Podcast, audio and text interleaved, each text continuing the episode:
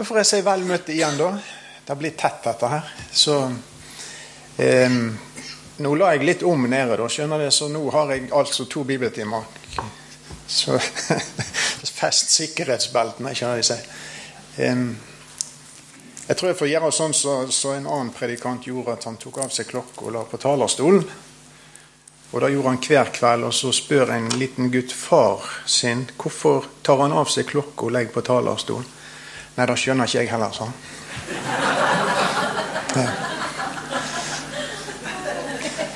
Men eh, jeg skal se litt på den. Jeg skal, ikke, jeg skal prøve å trykke i sammen litt stoff nå. Men vi må be. Far, vi ber at du for Jesus skyld tar deg av oss enda en gang. Jeg ber om at ordet ditt og anden din gjør noe med oss. Jeg ber at du renser ørene våre, så vi hører hva Anden sier. Og vi ber om å få ha sånne hjerter som kan ta vare på ordet ditt. Og jeg ber om å få ha et sånt liv som forteller at du har møtt meg. Du har talt til oss. Amen. Medan det venter Vi har tre bibelord. altså. Vi har første Korinterbrev 1,7, vi har andre Peter 3,12 og vi har Judas 21. Der disse tre ordene er knytta sammen i den formuleringen. Medan det venter.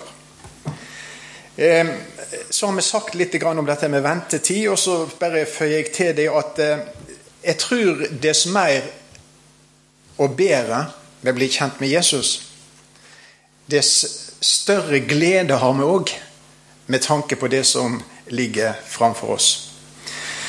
Og eh, Når jeg ser de første kristne, så ser jeg jo det at de hadde en veldig forventning til at Jesus skulle komme igjen. Jeg kan på å si Det gikk nesten eh, litt for, for langt, kan det se ut for, i, i noen sammenhenger. Men det var jo ikke skadelig. Og sterk Jesusforventning er aldri skadelig. Jeg tror faktisk vi har veldig godt av å ha litt mer av det.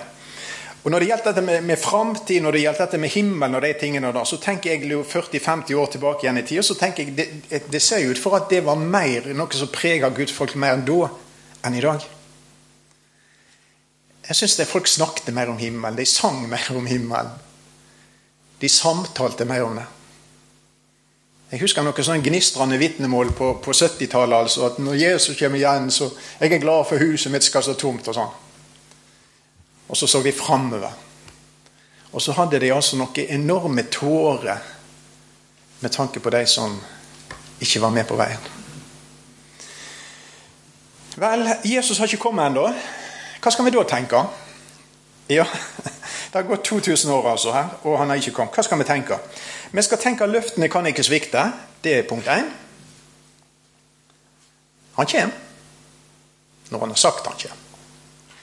Og For det andre så skal vi eh, akte vår Herres tålmod, skriver Peter, 2. Peter 3, eh, vers 15.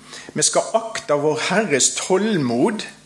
Og det er det snakk om forskjellige ting, men det var òg noen som spotta. Ja, altså, nå ser det, han, han har jo ikke kommet, sant? og, og eh, det drøyer, og han kommer sikkert ikke. Og Så kommer Peter og gir deg litt sånn eh, medisin omtrent. Vi skal akte vår Herres tålmod som frelse. Og Jeg tror jeg oppfatter det der som det ligger som en mulighet for frelse. Altså Nå drøyer Gud, og Gud har drødd lenge. Og nå har Gud drødd, han har strekt dette nådens år ut i 2000 år. Mulighet for frelse. Folk skal bli frelst. Og det er flott med den tålmodigheten. Akta vår Herres tålmod. Det er det andre vi bør tenke. Og så bør vi for det tredje tenke ingen har vært så nær oppfyllelsen av løftene som oss. Det er ingen generasjon som har vært så nær Jesu gjenkomst som oss i dag. Så det kan jo være noe som vi kan ta med oss. Og Dette her minner altså Bibelen oss på mange ganger. Og eh, ventetid er òg alltid prøvetid. Prøvetid. Og Ventetid er som regel alltid muligheter. Det er mulighet til positive ting, og det er muligheter til negative ting. Og jeg ser Når jeg leser i Bibelen, så ser jeg jo det at Herren gir oss veldig masse hjelp med tanke på at denne ventetida skal bli maksimalt god for oss, for Han og for Guds rike. Eh, beste hjelp som Gud gir meg når det gjelder ventetid, det er altså ordet sitt. Det er Bibelen. Og det er ett ord som jeg må bare få lov jeg må ta det. 2. Timoteus 3. Dette her er, kan mange av dere utenat. Men jeg sier at for meg er dette et av ordene som har egentlig eh, forandra ting i hele livet mitt. Når det står om de hellige skriftene, eller hele Skrifta, vers 16, 316, er innanda av Gud og nyttig til lærdom, til overbevisning, til rettleding, til oppseding i rettferd. Og hør nå her. Alle disse tingene det går jo midt inn i temaet vårt. Vi som er på venteværelse, vi som venter på Herren. Altså, Gud har gitt oss ei bok som skal være med og gjøre at denne ventetida blir maksimaltid. Og kvalitetstid, sier det i dag.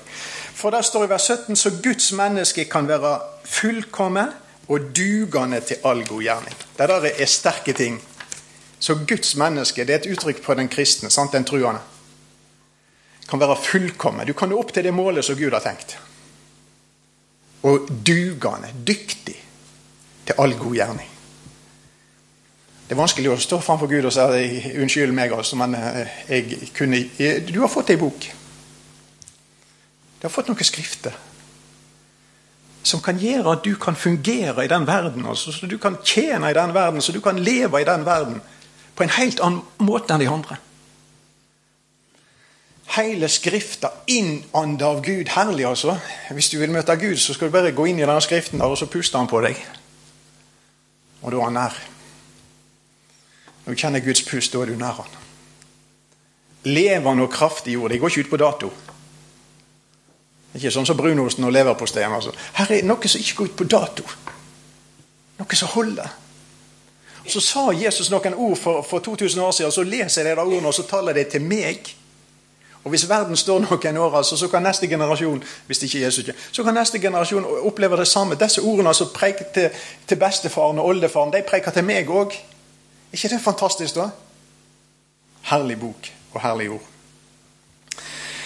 Og Når jeg da ser på alle disse ordene som Gud gir oss med tanke på, på, på livet i denne verden, og, og, dette å være på, på et venteværelse, så, så, tenker jeg at han formidler eh, i grunn hjelp på to forskjellige måter. Til meg. Jeg får ta det personlig, og håper det gjelder andre òg. For det første så formidler han til oss på mange og forskjellige måter hvordan vi ikke bør bruke tida på venterommet. Hvordan vi ikke bør leve mens vi venter på han. Og Jeg har blitt litt forbausa når jeg har tenkt på dette de siste ukene. Hvor mange eksempel Gud har gitt oss på det at folk, Guds folk de brukte altså ventetid galt. Og han har altså forskjellige direkte ord. Han har advarsler til oss. Han har liknelser, han har historie, han har formaninger. Han har erfaringer som Guds folk gjorde, der konsekvensene ble altså helt elendige. Vet du hva jeg gjør? Jeg takker Gud for de der historiene. da. Det er masse feil i Bibelen, og jeg takker Gud for dem. Feil mener jeg da mennesket som gjorde feil. Jeg tror Bibelen, Guds inspirerte ord, er feilfritt. Men det er masse feil som Gud forteller om i Bibelen. Hvorfor gjør han det? For du skal lære å gjøre feil? For du skal unngå de feilene. Og Du kan jo lese om Lotte og Abraham, og så kan du jo, kan du jo velge sjøl hvem du vil ligne på. sant?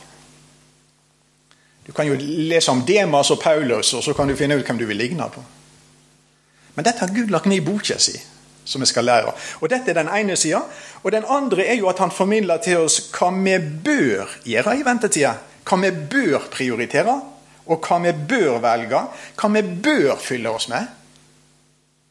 Det er ikke en eneste formaning til Guds folk om å sitte på søppelhaugen etter søppel. skjønner du? Det er ikke en eneste formaning om å søke Guds rike sist.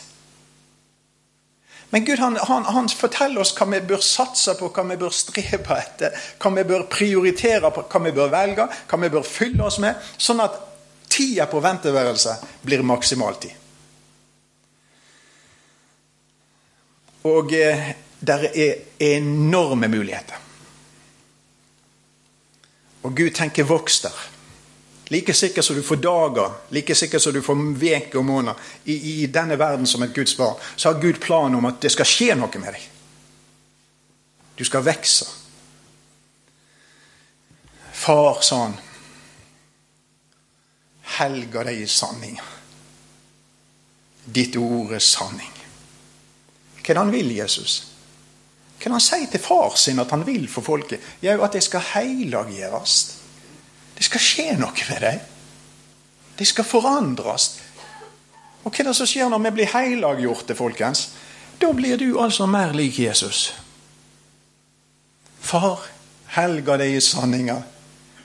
Ja, men middelet? Hva er middelet? Ditt ord er sanning. Skjønner du hvorfor djevelen er redd for Guds ord? Skjønner du hvorfor angrep i dag går ut på å få vekk Guds ord fra Guds folk? Det er farlig, det da.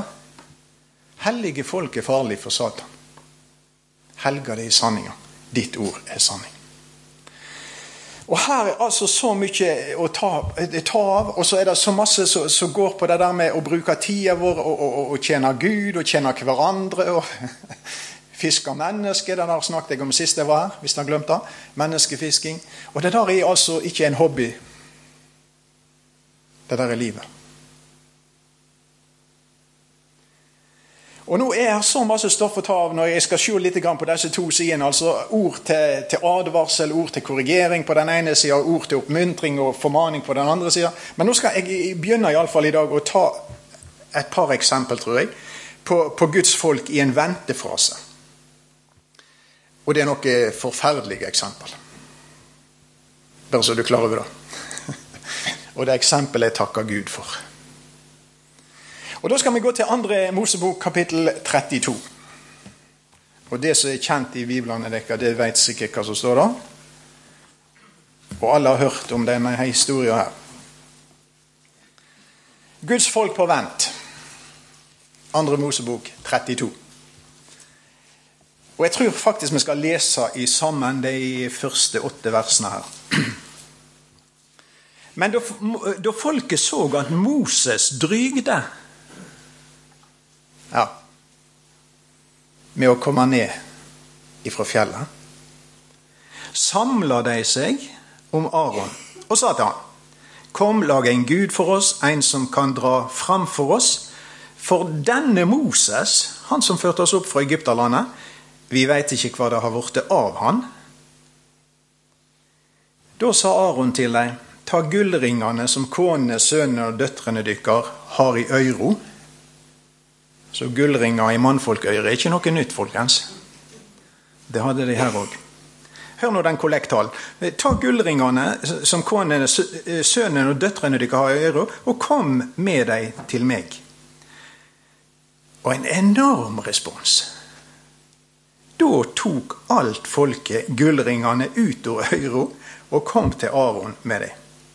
Han tok imot gullet og støypte det om og laga det med en meisel til en kalv. Så sa han, dette er guden din, Israel, som førte deg opp fra Egypterlandet. Da Aron så dette, bygde han et alter for kalven og let ropa ut. I morgen er det høgtid for Herren. Dagen etter sto de tidlig opp og ofra brennoffer og bar fram fredsoffer, og folket satte seg ned for å ete og drikke og sto opp for å leke. Da sa Herren til Moses, skunna deg og stig ned. Folket ditt som du har ført opp fra Egypterlandet, har gjort en skammelig ting. De har alt vike av fra den veien jeg bau deg å følge. De har støypt en kalv den har de tilbedt og ofra til og sagt dette er guden din Israel, som førte deg opp fra Egypterlandet. Dette er jo en forferdelig historie. Det er nesten utrolig at det går an. sant? Og dette er òg en del av pensumet vårt i Guds rike. Jeg ser hele Bibelen som pensum i for å bruke et nynorskord, i himmelrikskolen, som det sto i evangeliet før. Himmelrikskolen. Altså Moses han dryger, og det går ei uke, det går to uker, det går tre Det går altså 40 dager, og de ser ikke Moses. Og Da begynner det å skje ting. Da har ikke de tålmodighet lenger.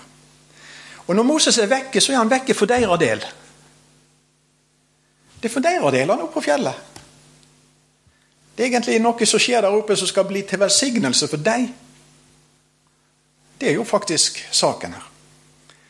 Men folket de blir trøtte av å vente, og de takler ventetida veldig dårlig. Og så blir de altså avgudsdyrkere i ventetid. Og Gud hadde muntlig gitt dem beskjed det skal ikke ha andre guder av meg. Det skal ikke lage noe støpt bilde av noe Gud. Dette visste de om på forhånd.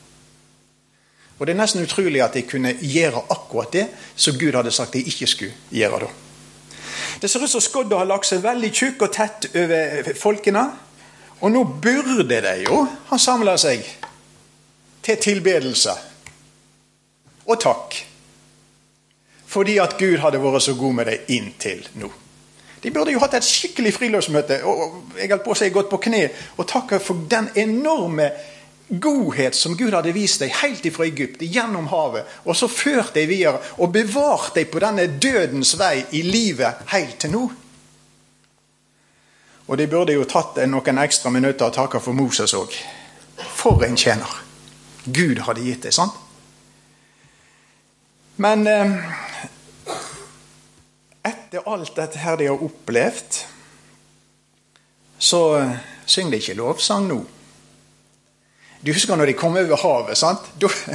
Da, var det ikke så vanskelig å synge. Og den sangen den tenkte jeg, den hadde vært utrolig bra at de hadde tatt opp igjen nå. Nå når ikke Moses var der, så kunne jeg jo sange litt lovsang til Gud og, og takke for at Gud, du har noe kontroll allikevel. Vi vet jo det, for vi har jo sett og har gjort ting før. Og vi er ikke bekymra altså, om Moses er vekke nå, fordi at eh, du, Gud, du er en Gud vi kan stole på. De kunne jo sagt noe sånt, kunne ikke det? Eh, husker du lovsangen der i andre Mosebok eh, kapittel 15? Eh, de kunne jo brukt f.eks. vers 13 til, til kor, da. Ved de miskunn fører du det folket du løste ut, du leier deg ved de kraft til din heilage bostad. Ikke snakk om noe kollaps. Det er ikke snakk om at Gud ikke skal klare å føre dem til sin hellige bostad og få dem fram. Sant? Og de synger av sikkert hele hjertet.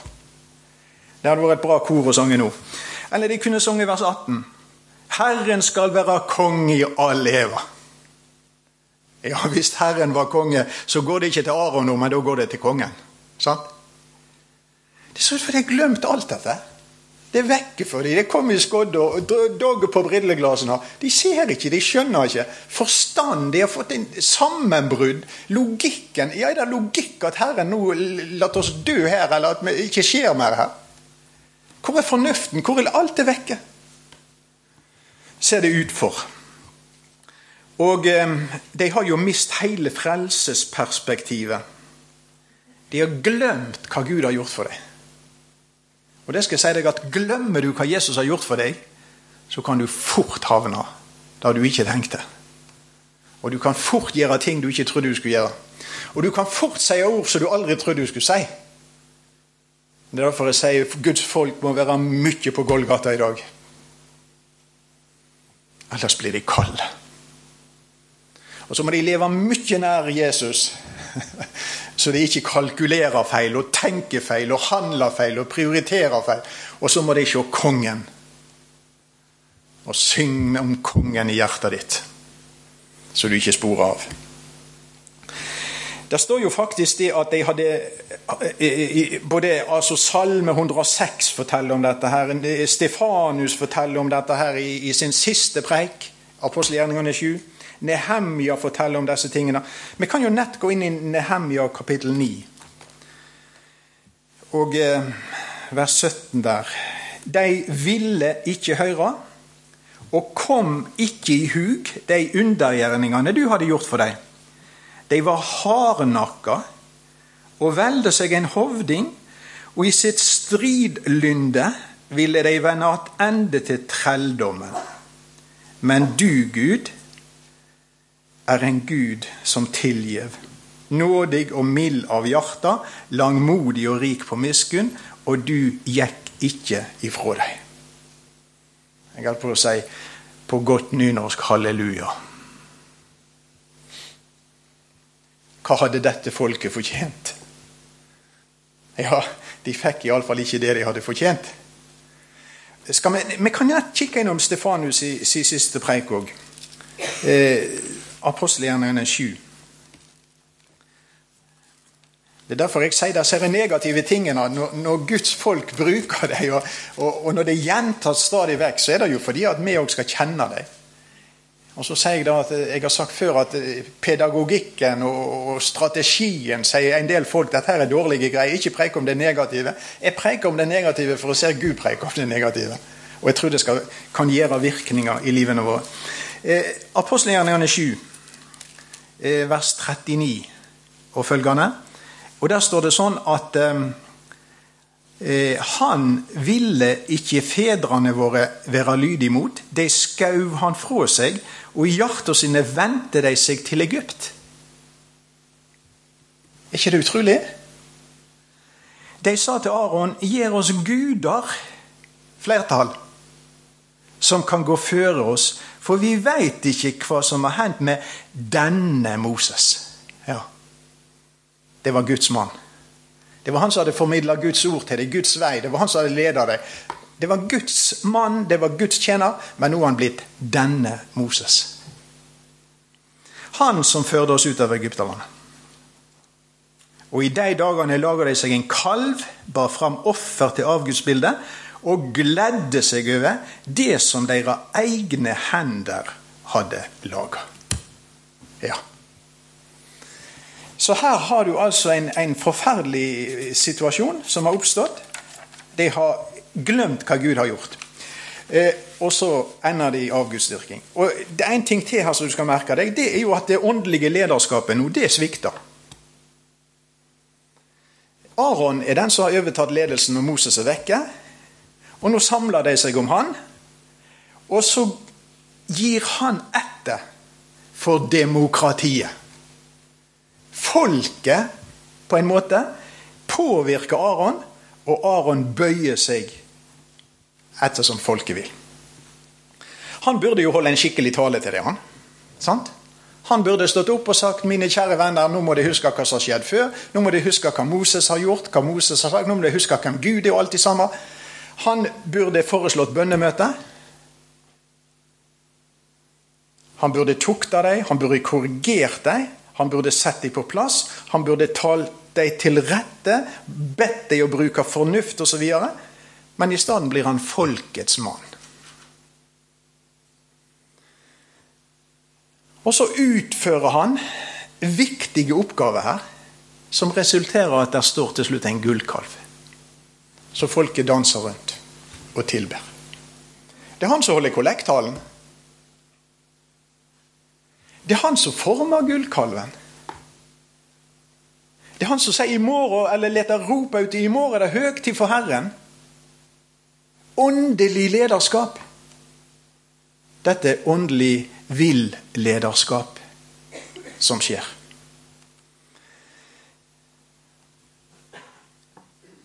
Jeg, jeg, aner noe om den siste tid som også kommer til å skje, og vi ser vel kanskje litt av det i dag òg. Og jeg spurte i går kveld hvor er mannfolkene? Hvor er de åndelige lederne?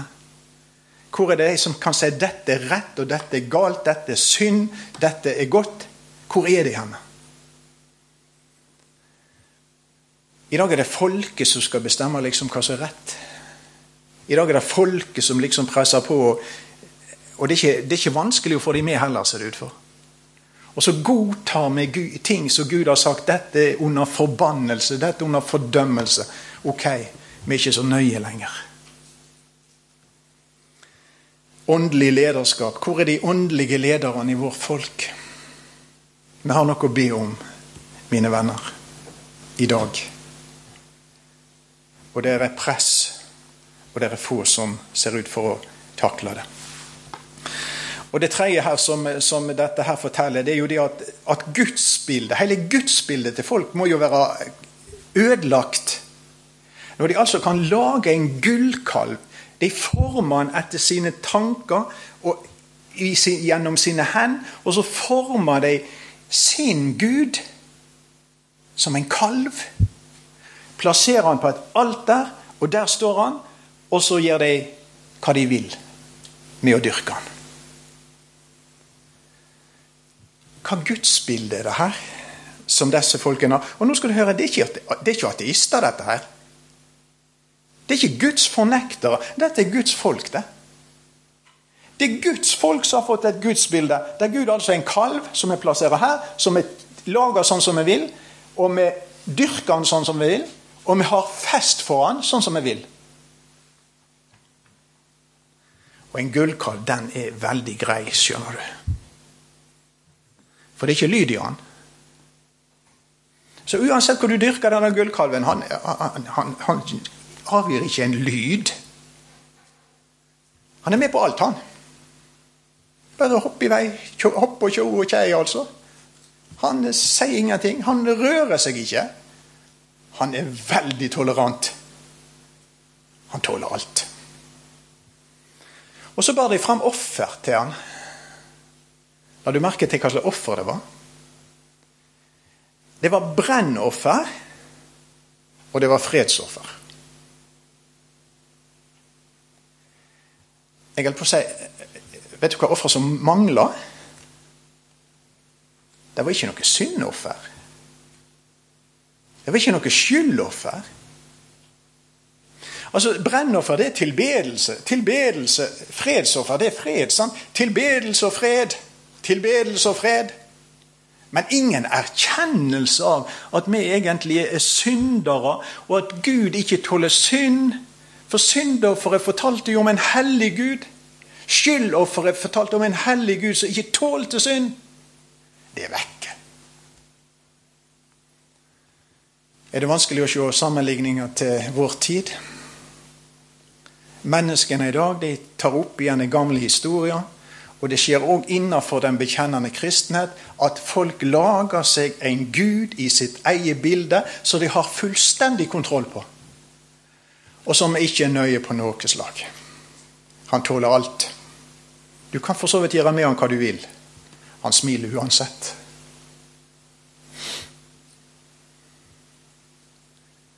Gudsbildet. Hvis jeg er grei, så er Gud grei, og så går alt greit.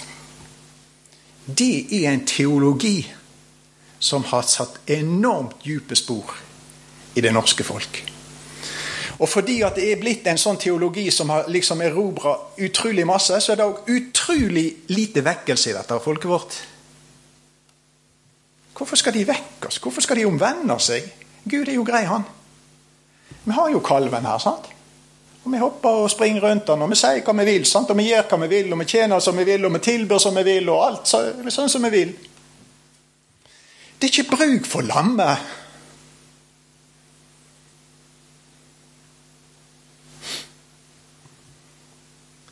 Hvor er lam? Hvor er syndofferet? Hvor er skyldofferet? Hvor er de som trenger å bli frelst for syndene sine i Norge i dag? Har du sett noe kø? Jeg møter ingen. Gud er blitt en kalv som jeg gjør med hva vi vil. Guds bilde tapt.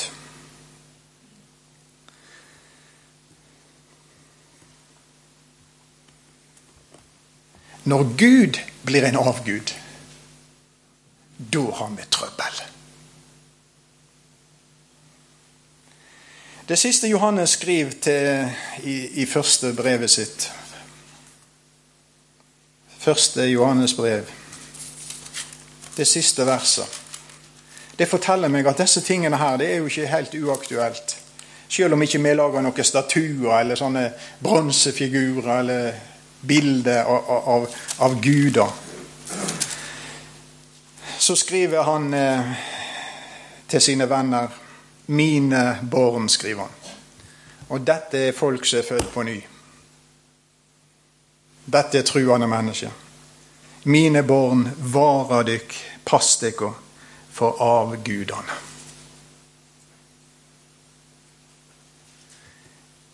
Er det farlig? Er det mulig at Guds folk i ventetida kan bli avgudsdyrkere.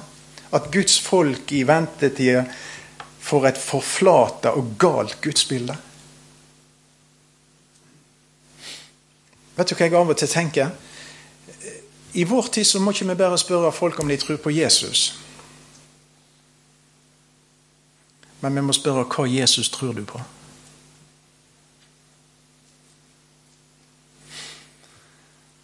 Korinterne var så tjomslige og greier. Så det var Samme det, hva, hva ånd det var, samme hva evangelium samme hva Jesus det var. De tålte det. Og Paulus kommer og sier de må ikke tåle det. De må ikke tåle et annet evangelium, de må ikke tåle en annen ånd, de må ikke tåle en annen Jesus. For det er ingen andre Jesuser som frelser dere enn Bibelen sin Jesus. Det er ingen annet evangelium som frelser dere enn Bibelen sitt evangelium. Det er ingen annen ånd som kan hjelpe dere og gjøre med dere det Gud vil, enn Den hellige ånd. Vokt dere på avgudene. Utenfor Guds rike og innenfor Guds rike. Ventetid for israelsfolket ble ei tid der de begynte å dyrke avguder. Det var den ene illustrasjonen som jeg henta ut. Og den andre illustrasjonen som jeg henta ut, det skal vi ta ifra Salme 137. Salme 137. Og Hvis du ikke liker sånne vekkelsestekster som det som jeg nå leser, så var det godt du var her. For da trenger du det. Og Der står det i Salme 137 at ved elvene i Babel satt vi og gret når vi kom Sion i huk. Hva er vi da inne på? Ja, Da er vi inne på israelsfolket når det er i fangenskap i Babel. Og Det husker du i hele denne historien. Du vet hvorfor de kom der. sant? Og Det er egentlig bare en eneste grunn til, og det var synd. Synd får alltid konsekvenser. Og Så havner de i Nordrike hadde jo gått før, men Sørrike de gått til Babel i fangenskap. Men så hadde, var det en profet, eh, Jeremia, da, som talte om at det skulle være en tidsbegrensning på denne tida i fangenskap. Og Det står faktisk at det var 70 år. Og Når Daniel begynner å studere skriftene i Babel, så finner han ut at, at eh, Gud hadde jo sagt at de skulle være der i 70 år. Men starten her i, i fangenskapet i Babel, det er jo det at eh, da sitter de og griner når de er ført bort. På viddene der hengte vi harpene våre. For de kravde eh, de, der kravde de sanger av oss, de som holdt oss fanger. De som plaga oss, kravde at vi skulle være glade. Syng for oss av Sions sanger. Hvordan kunne vi synge Herrens sang på framand jord? Det var ikke spøk å synge når du ikke har stemt for det. skjønner Du Det er som jeg sier du må smile, men det er ikke godt å smile hvis du ikke er glad. Syng! Men de hadde hengt disse arpene ifra seg. De var ikke i stand til å synge. For at de lengta sånn hjem. Og så grein de. Og så tenkte de på Jerusalem og, og tempel og alt dette her. Og så, og så var det en sørgelig situasjon. Men så, så, skjer det da altså det etter hvert at Gud hadde jo sagt noe, og Gud må jo alltid oppfylle det han sier, og det gjør han. Og så får han en mann på trynet, og det er jo helt fantastisk også når Kyros dukker opp der. For Gud hadde jo talt om han lenge før han var født. Og profetert om den mannen. Og så kommer, får han Kyros på trynet, og så bruker han Kyros, og så, og så får de altså fri retur. Åpen retur hjem igjen. Det som slår meg når jeg leser om, om, om den reaksjonen, det er jo det at her må jo ha skjedd noe. For det ser ut for at de var veldig trege å få hjem igjen. De var faktisk så trege at Gud måtte sende en spesial vekking. Hvis vi leser i Esra kapittel 1,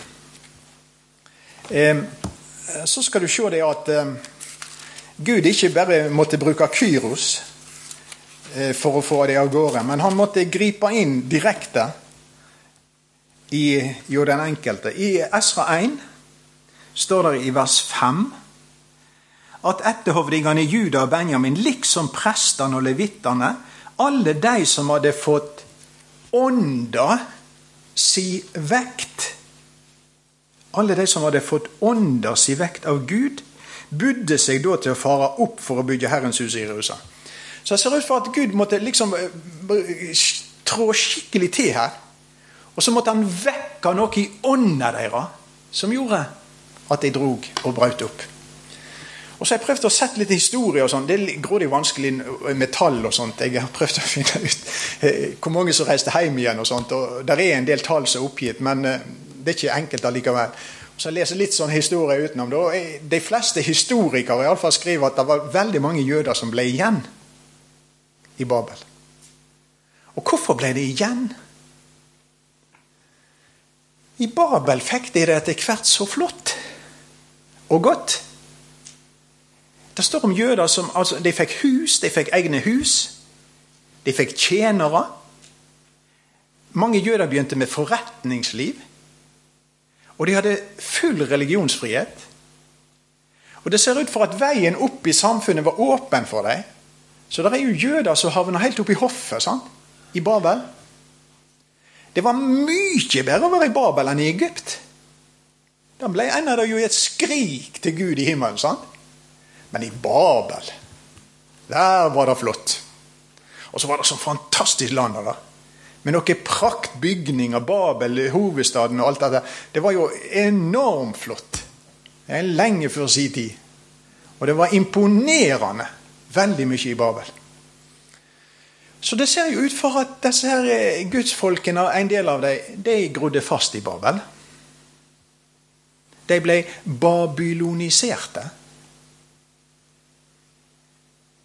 De ble tatt av materialismen, og den slukte heimlengten der. Ser det ut for.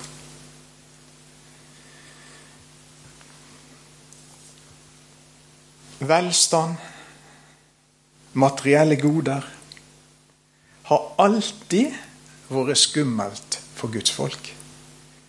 Og jeg påstår at det er en av de største avguder vi har i Norge i dag.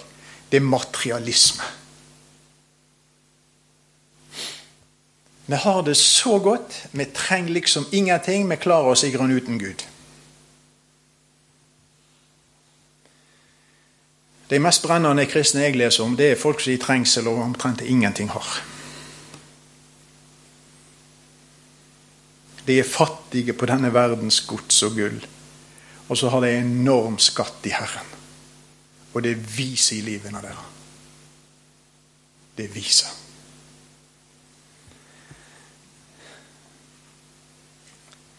Ved Babels elver satt vi og gret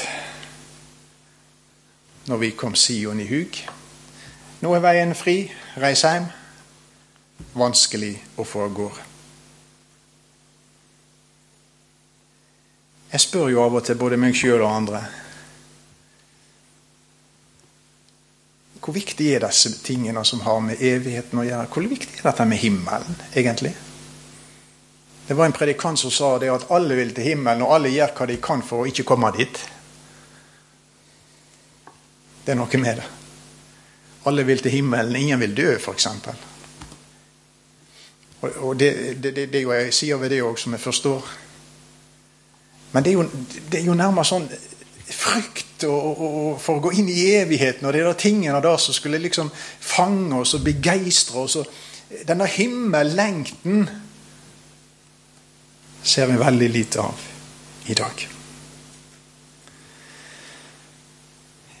Jeg sier igjen disse tingene er ikke gitt for å skremme oss eller for å få oss deprimerte, men disse tingene er gitt for å vekke oss. Det er jeg sikker på. Og Gud hjelpe meg at ikke jeg blir sånn som disse israelittene i Babel som ble igjen. Men at jeg kan bli sånn som de som reiste hjem. Og det står faktisk i en salme om noe at, at de reiste hjem med fryd og glede. Selv om de hadde en lang vei hjem. En, en forferdelig lang vei hjem med, med, masse utgifter. Og når de kom hjem, så var det bare trøbbel som ventet. Det kan godt hende vi har en lang vei hjem. Det er ikke trøbbel som venter oss når vi kommer hjem. Så desto større burde gleda være med tanke på det. Ja. Eh, vi tar et siste eksempel. Og det skal jeg ta veldig kort og kjapt. Og da skal vi gå til Matteus 25.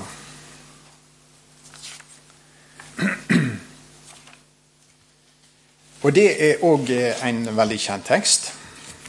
Men der er det snakk om eh, folk som, som venter. Og eh, Nå skal jeg bare lese litt grann da, ifra lignelsen, som er så vanskelig å skjønne detaljer på, og som jeg ikke kan utlegge, som jeg ikke forstår alltid. Men jeg tror jeg forstår hovedpoenget i den lignelsen. Da skal himmelriket være å likne med ti brudmøyre som tok lampene sine og gikk ut for å møte brudgommen. Og eh, jeg tror dette gjaldt altså himmelriket. Jeg tror det gjaldt den bekjennende kristenhet. Iallfall sånn oppfatter jeg det. Og dette er ikke ateister, altså. Dette er ikke agnostikere. Dette er folk som får ramme alvor venter at det kommer et bryllup, det kommer en brudgom. Fem av dem var uvituge og fem kloke. Det er forskjell. De uvituge tok lampene sine, men de tok ikke olje med seg. Men de kloke hadde tatt med seg olje på kannene sine sammen med lamper. Alle har lamper. 50% mangler olje. Kanskje kan det gå på alle har en bekjennelse, alle har lamper. Det vitner jo om at de var på vei til bryllupet. Sånn. De tok ikke olje med seg. Kanskje tenkte de han kommer så snart, han har ikke bruk for olje. Jeg vet ikke. Da det drog ut Hva er det? Det er ventetid. Da det drog ut før brudgommen kom, slumra de alle inn og sov. 50% olje, 100 søvn. Denne lignelsen begynner med 'da'. Det er en tidsangivning. Da skal himmelriket være å likne med. Hva er det da er sikta på? Ja, Det er sikta på når Jesus kommer igjen. Om han kommer til i luften eller om han kommer til Oljeberget, det, det, det, det betyr ikke noe i denne sammenheng. Jeg tror forresten eventuelt de to begivenhetene ligger så tett at det, ene vil prege det andre. Men da, skal himmelriket, da skal den bekjennende kristenhet være sånn. preget av søvn.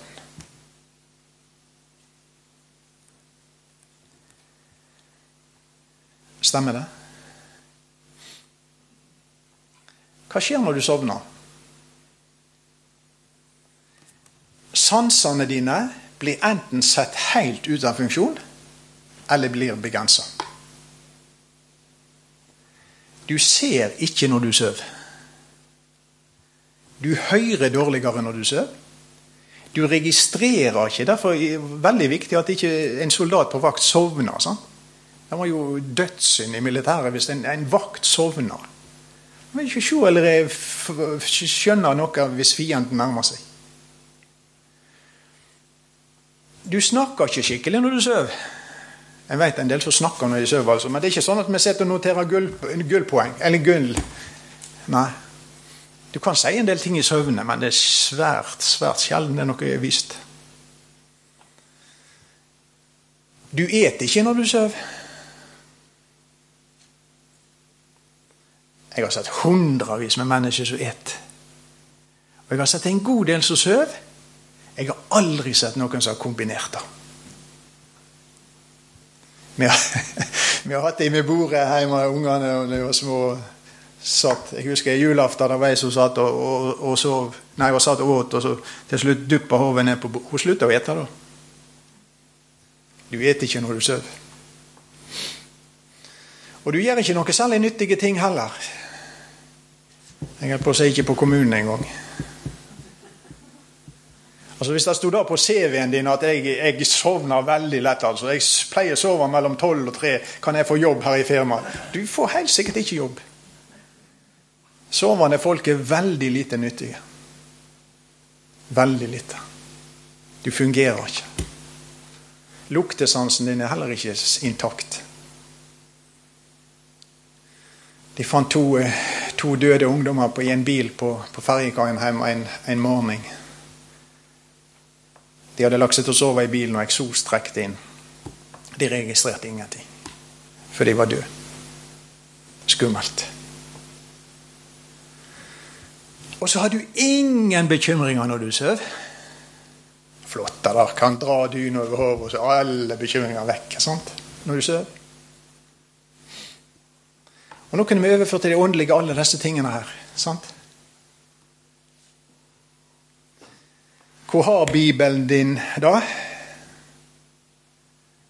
Jeg har sagt av og til hvis vi hadde et vitnemøte Der alle biblene våre vitner om oss. Hadde du syntes det hadde vært et bra møte? Hva kunne Bibelen din fortalt om deg? Kunne Bibelen din sagt at han er sikkert veldig forelska i meg, for han klarer aldri å holde seg vekk fra meg? Eller kunne Bibelen din sagt nei, jeg tror ikke han har noe for meg lenger. Jeg ser han aldri. Blitt et interessant vitnemøte, det. hva? Når du sover, et du ikke. Når du sover, ber du ikke. Når du sover, har du ikke smerte. Naboene det er ikke nøye. De går jo på den breie veien. Ja, de går fortapt. Ja, kan vi si det bare sånn? Eller gjør det noe med oss? Tar det tak i oss? Tilfører det meg smerte? Skjønner en hva det dreier seg om? Evighetsvandrere altså på vei mot stupet. Jeg fortalte fra bedehuset hjemme, og jeg har sagt det før òg sikkert. Det første minnet jeg har så jeg husker fra det bedehuset, det er noen av de gamle damene som lå og grein. På kne. Jeg husker ikke hvem som preikte, jeg husker ikke hvem som sang, men jeg husker de damene. Og så sa de navnet til en del folk som jeg visste hvem var. Og så grein de. Og så sa de 'Kjære Gud, du må frelse deg'. Nå er de fleste bedehus tårefrie.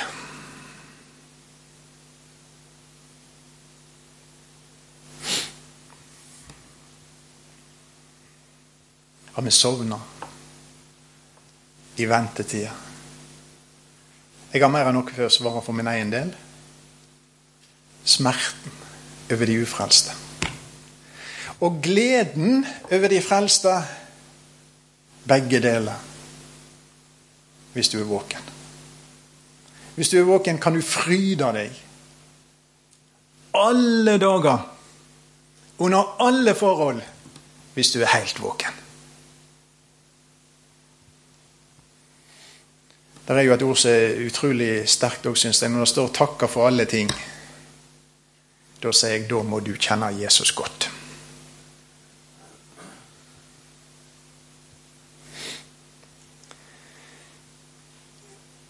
Da vak, ja, Midt på natta hørtes et rop, sjå brudgommen kjem, gå og møte han. Da vakna alle brurmøyene og gjorde i stand lampene sine. De uvitige sa til de kloke, gjev oss av dykkar olje, for lampene våre slokner. Men de kloke svarer nei, det vert ikke nok. Uff, uff. Uff, uff. Hadde det så lite? Det som hadde olje, hadde det så lite?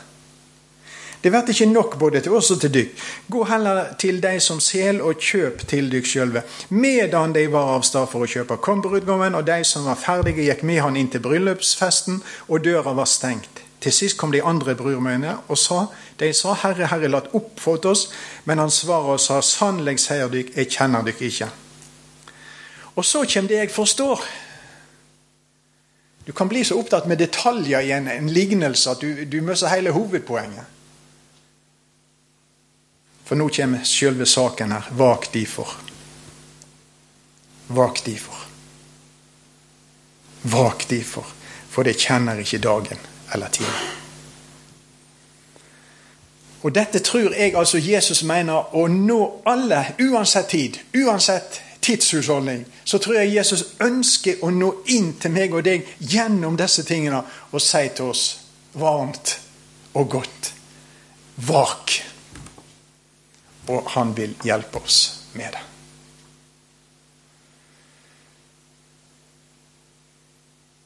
Far i himmelen, du har hørt hva vi har delt med hverandre i dag. og Jeg bare ber deg om at du må velsigne det og bruke det. Og så får du hjelpe oss. At ikke vi gjør tabbene som de har gjort før, men at vi lærer av det, og at vi kan være der du vil ha oss. Og så må vi be deg om at du holder oss tett inntil deg, som ikke slokner eller sovner mens vi venter. Du ser alle også her i dag. og Du vet òg om de som vi kjenner, og som vi har i vår nærhet, som ikke kjenner deg som jeg har lyst til å i dag og be deg spesielt for deg. Og at vi i ventetida kan få nåde til og hjelp til å være med og vekke deg. Så må du holde oss våkne, så vi kan være en vekkelsesbevegelse midt i søvnens tid.